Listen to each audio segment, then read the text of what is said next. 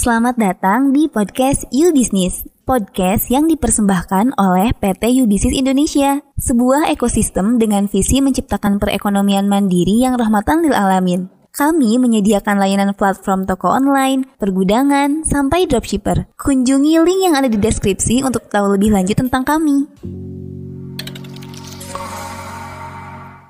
Assalamualaikum warahmatullahi wabarakatuh Teman-teman balik lagi di podcast You Business episode 5 untuk segmen Tanya Yumin. Nah kali ini ada pertanyaan lagi tentang uh, dunia FMCG Nah mungkin ada juga nih yang lagi bergerak di dunia FMCG Ada yang tanya Min mau tips dong buat UMKM yang mau masarin produknya di dunia MFCG kayak gimana ya? Gitu.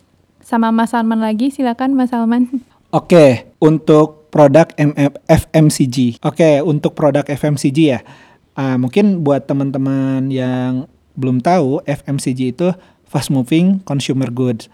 barang barang-barang yang biasa kita dapat di swalayan-swalayan terdekat. Misalnya uh, sabun cuci piring, kopi, atau mie instan, susu, uh, alat pembersih dan sebagainya ya yang biasa kita gunakan sehari-hari. Nah, uh, strateginya mungkin uh, ini saya coba jawab pakai uh, formula simply selling. Tentu teman-teman bisa gunakan formula lain untuk uh, menjawab masalah ini. Uh, di simply selling itu kalau teman-teman buka bagian formula konversi, teman-teman akan dapati biaya versus benefit di mana biaya itu terdiri dari uh, waktu, tenaga, upaya dan uang. Nah, buat meraih sesuatu kita harus mengeluarkan sesuatu. Misalnya benefit yang kita dapat tadi uh, kita bisa menikmati mie instan sebagai benefitnya dan kita akan mengeluarkan cost atau biaya dari empat komponen yaitu uh, waktu, tenaga, upaya dan uang.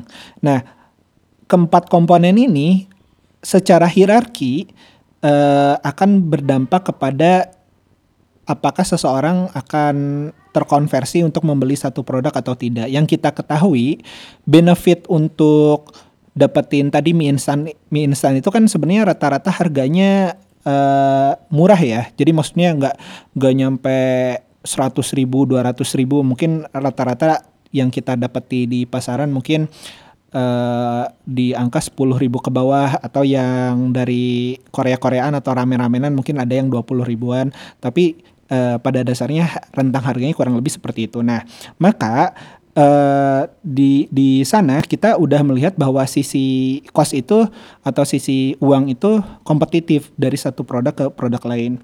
Persis juga harga sabun untuk satu segmentasi yang sama harganya nggak jauh beda.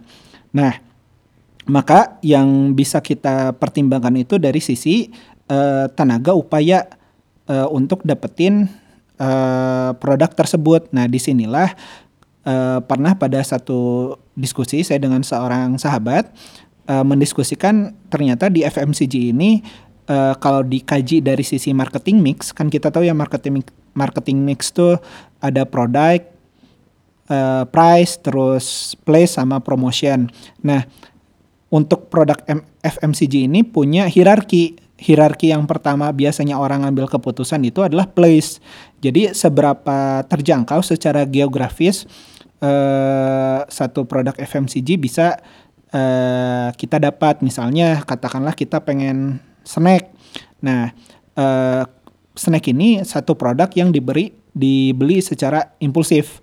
Jadinya uh, orang pengen snack ya karena lapar gitu bukan karena pengen snack A, snack B, snack C. Mungkin bisa jadi dia kena iklan tertentu dan sebagainya untuk membeli snack, tapi majority biasanya mereka oh uh, pengen snacking nih, saya ambil snack apa ya. Nah, hierarki pertama untuk untuk menyelesaikan masalah ini tuh biasanya dia cari mana yang lokasinya paling dekat atau tadi yang place-nya paling terjangkau. Baru dari sana uh, dia lari ke hierarki kedua yaitu price atau sisi harga. Nah, pada saat keluar rumah kan misalnya kita ke ke depan jalan misalnya cari cari jajanan. Ya, biasanya jajanannya tuh di harga yang serupa gitu. Tinggal kita baru dari sana milih produknya apa, dan mana yang sedang promosi misalnya. Atau kalau saat kita ke uh, saluran distribusi konvensional misalnya kayak uh, swalayan atau minimarket uh, kita udah tempatnya dapat terus udah pengen snack misalnya uh, kita baru lihat uh, sisi snack mana yang ada promosinya. Nah itu kurang lebih hierarki. Uh, jadi kalau saya rekap menurut hierarkinya untuk produk FMCG yang dua hal yang akan jadi pertimbangan pertama yaitu sisi place seberapa mudah produk tersebut bisa terjangkau sama yang kedua harga pada rentang harga berapa mereka bersaing baru habis itu produknya yang mana prom yang ada promosinya apa itu ngikutin setelah dua hal tadi kurang lebih kayak gitu nah aku juga jadi inget kemarin kan aku beli snack gitu ya online ke kantor terus aku nawar-nawarin gitu ke teman-teman aku dan emang produknya tuh enak banget tuh si snack itu. Terus aku nyuruh teman-teman buat belikan kayak beli dong, beli dong. Terus kayak rata-rata tuh banyak banget yang responnya ah kalau ada di supermarket mah ah kalau ada di sini mah pasti beli gitu. Jadi kayak ya aku jadi kepikiran juga. Jadi wa tadi walaupun tadi produknya enak uh, si kemudahan untuk me, apa memiliki produk itu juga jadi aspek yang penting banget ya kalau buat snack atau ya produk FMCG yang lain. Nah, hal ini terjadi karena produk FMCG yang biasa yang kita dapati di pasaran itu harganya seragam dan harganya terjangkau untuk semua kalangan. Nah, beda kasus kalau kita tinjau dari sisi apa tadi simply selling ya, uh, ada formula konversi itu uh, biaya, waktu, tenaga, upaya. Nah, karena biayanya itu rata-rata sama, akhirnya ketika memutuskan beli produk FMCG yang mana, dia akan cari kombinasi waktu terbaik uh, upaya dan tenaga terbaik yang bisa di, dia keluarkan buat dapetin satu value dari sisi uh, dari si produk itu sendiri. Nah, beda kasus kalau misalnya si benefit yang kita pengen dapat itu kita mau kuliah, kuliahin anak kita.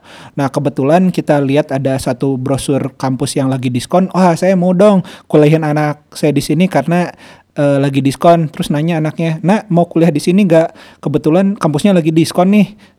Nah, nggak gitu kan ya? Apa sih Mas Salman? Sekarang udah kebayang ya teman-teman untuk strategi FMCG kayak gimana karena pasti kan beda produk, beda juga strateginya walaupun tadi marketing mixnya sama 4P tapi hierarkinya jadi beda untuk produk-produk tertentu termasuk si FMCG ini gitu. Semoga jawabannya bisa membantu ya. Nah, kalau misalnya teman-teman masih punya pertanyaan lain, uh, silakan hubungi kami di Instagram @ubusinesscom. Uh, sampai jumpa di episode selanjutnya. Assalamualaikum warahmatullahi wabarakatuh.